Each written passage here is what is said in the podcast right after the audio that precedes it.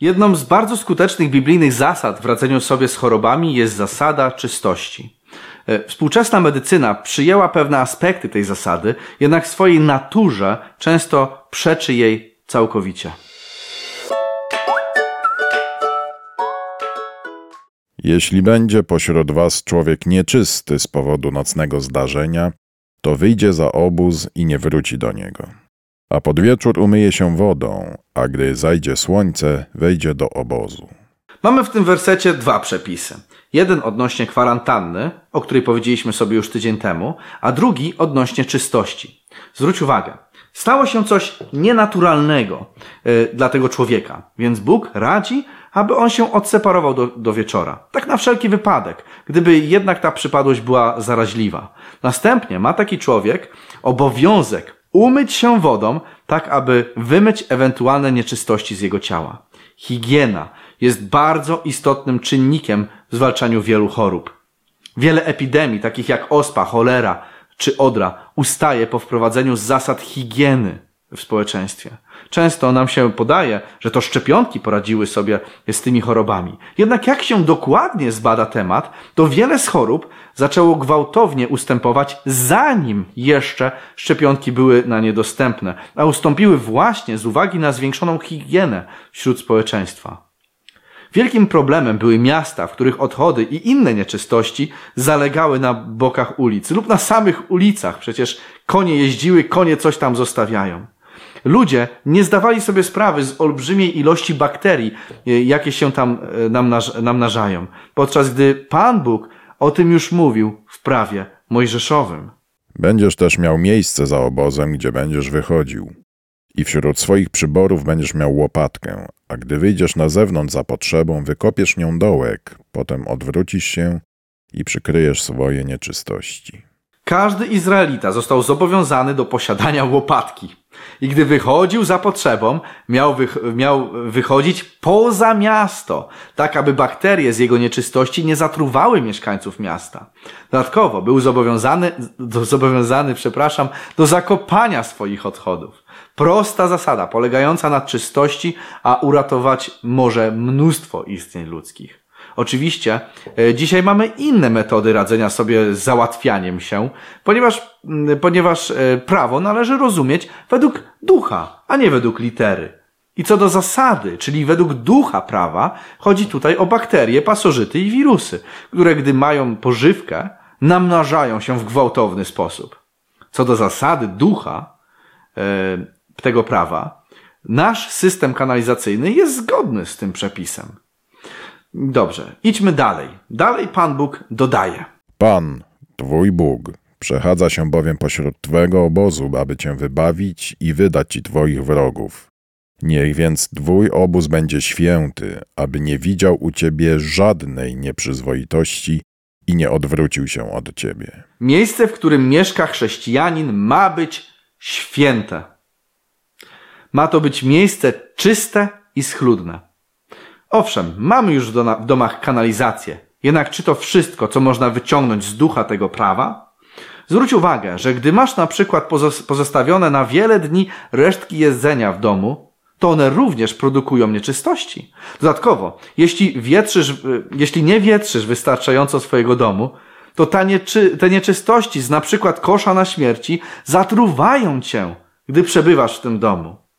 W związku z tym mamy usuwać z naszych domostw rzeczy nieczyste, tak aby obóz, jak to było napisane, był święty. Nie kupuj sobie domu przy wysypiskach śmieci czy farmach e, zwierząt, e, gdzie odchody są zbierane w tonach. To, co mówię, wydaje się oczywiste, ale jak wielu robi uchybienia w tych sprawach. Bóg chce, aby twój dom był czysty, schludny, wolny od bakterii i święty. Twoja w tym głowa, aby tak on wyglądał. Gdy zagrabiasz liście na podwórku w jesieni, to nie zostawiaj ich, y, aby gniły ci pod oknem.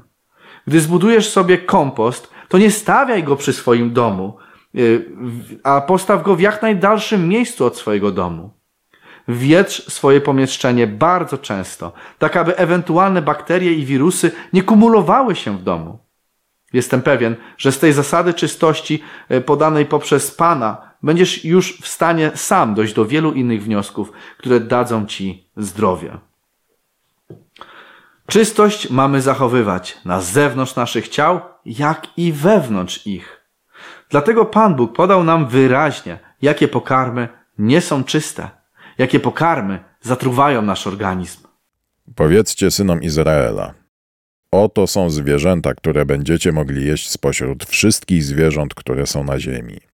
Dla rozróżnienia między nieczystym a czystym, między zwierzętami, które można jeść, a których jeść nie wolno.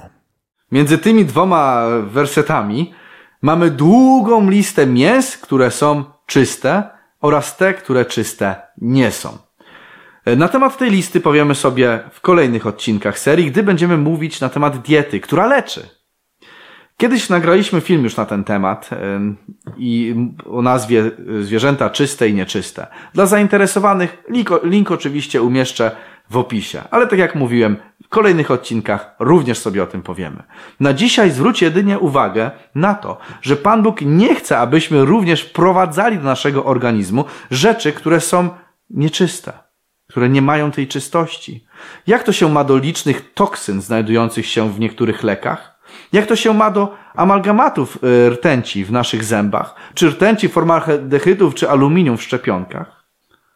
Oczywiście, zwolennicy szczepionek mm, pokażą badania naukowe udowadniające e, bezpieczeństwo tych dawek, jednak trzeba też wyraźnie powiedzieć, że nie pokażą tych badań, które pokazują ich zagrożenia. Co do zasady, nie powinniśmy wprowadzać do naszego organizmu związków, które mogłyby zanieczyścić nasz organizm. Czy będzie to wieprzowina, dym papierosowy, czy toksy, toksyczny lek, Zasada jest taka sama. Nieczystego się nie dotykajcie.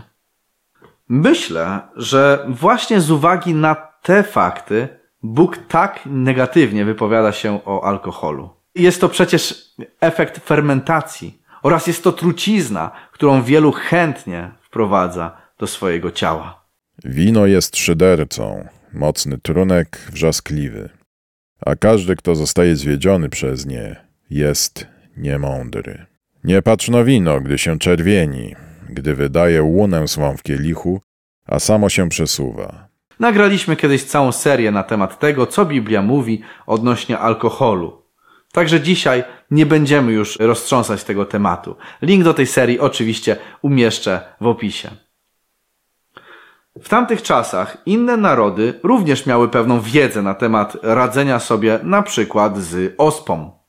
Przykładowo w Indiach w tamtych czasach e, leczono ospę poprzez przykładanie krowiego łajna albo poprzez wstrzykiwanie do nosa wymazu od kogoś zakażonego.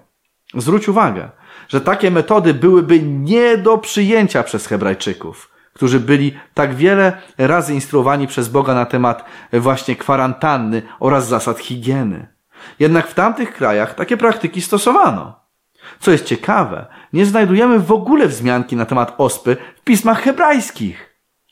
Tak jakby ten jeden naród był całkowicie wolny od tej choroby. Nie jest to zwykłe pominięcie tematu, ponieważ przykładowo na temat trądu mamy bardzo dużo podane. Jednak o ospie nie ma nic. Myślę, że jest to z uwagi na zasady sanitarne oraz yy, właściwe pojęcie kwarantanny, jakie było w tym narodzie. Oni na to zwyczajnie nie chorowali. Gdyby jednak przyjęli obowiązującą naukę świata i również zaczęli się leczyć na, przy, na przykład krowymi odchodami, to jak myślisz, czy nie zaczęliby chorować na tę chorobę? Czy obecnie nie stosujemy podobnych metod zwalczania chorób poprzez zanieczyszczanie naszego organizmu? Epidemię ospy się zwalcza poprzez higienę i zdrowy styl życia i to jest fakt. Jest na to mnóstwo badań i dowodów naukowych. Podobnie zresztą jak z wieloma innymi chorobami. Każdy wierzący powinien dbać o higienę, ponieważ ta da mu zdrowie. Ten, który się poddaje oczyszczeniu, upierze swoje szaty, ogoli wszystkie swoje włosy, umyje się wodą i będzie czysty. Potem wejdzie do obozu i będzie mieszkał przez siedem dni poza swoim namiotem. Wiemy o tym, że Izraelici znali również różne metody niszczenia wirusów i bakterii. Zobacz. Bo choćbyś mocno się obmyła i saletrą i mydłem, to jednak twoja nieprawość pozostanie widoczna przede mną, mówi Pan Bóg. Lecz któż będzie mógł znieść dzień Jego przyjścia i kto się ostanie, gdy On się ukaże? Jest bowiem jak ogień złotnika i jak mydło foluszników. A choćbym się umywał wodami śnieżnymi i oczyściłbym mydłem ręce moje. W tych wersetach mamy przedstawione dwa typy środki, środków czystości: saletra oraz mydło. Słowo tłumaczone jako saletra pochodzi od egipskiego słowa natron, które jest mieszaniną soli używanych do munifikacji ciała. Natron jest przeciwbakteryjny oraz przeciwgrzybiczny. Był jednym ze środków czystości używanych przez lud Boży. Innym takim środkiem czystości jest hizop. To kapłan każe, by wziąć dla oczyszczającego się dwa żywe i czyste ptaki, drewno cedrowe, karmazyn i hizop.